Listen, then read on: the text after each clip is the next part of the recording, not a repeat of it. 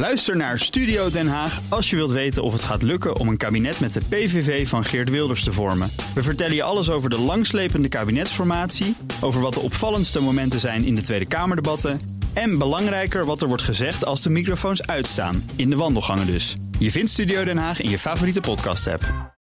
De van Bernard Hammelburg. Raketten op Israël, bommen op Gaza. Het is zo'n beetje de politieke Groundhog Day van het Midden-Oosten. Met elke keer voorspelbare reacties uit het buitenland. Hamas is niet goed snik dat het al die raketten afvuurt op doodgewone Israëlische burgers. Israël moet zich inhouden en niet tientallen doodgewone Gazanen omleggen en al zeker geen kinderen. Net als bij de vele recente conflicten tussen Israël en Hamas doen achter de schermen diplomaten uit Egypte en Qatar hun best om deze zoveelste uitslaande brand te blussen. En dat gaat ongetwijfeld lukken. De aanleiding is dit keer de omstreden uitzetting van Palestijnse bewoners uit een aantal huizen in Oost-Jeruzalem, waarvan Israëliërs aan de hand van oeroude notariële actes menen dat ze aan hun toebehoren. Belangrijk omdat het raakt aan de vraag van wie Oost-Jeruzalem uiteindelijk is.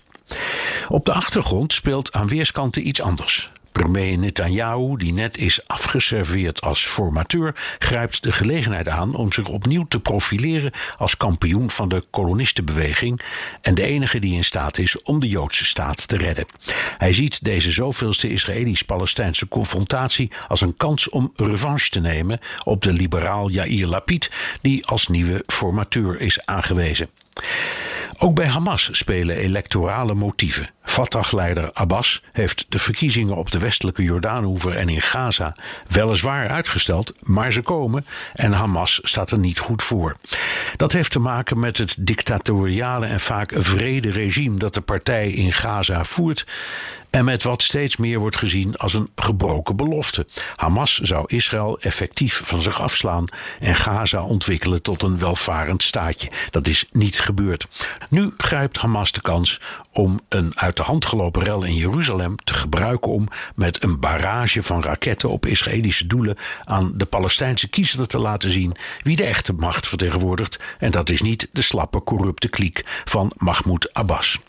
Het is de vraag of deze strategie werkt. Als de Palestijnen moeten kiezen tussen de dictatoriale vechtjassen van Hamas, door de westerse wereld beschouwd als terroristen, en het slappe Fatah, dan gaan ze waarschijnlijk toch voor Fatah.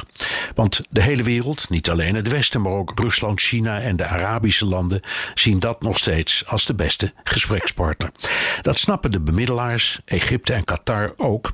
En dus zullen ze Hamas wel weer kunnen beteugelen. Maar dat iemand de geest weer in de fles krijgt, is een illusie. Het blijft de Groundhog Day van het Midden-Oosten.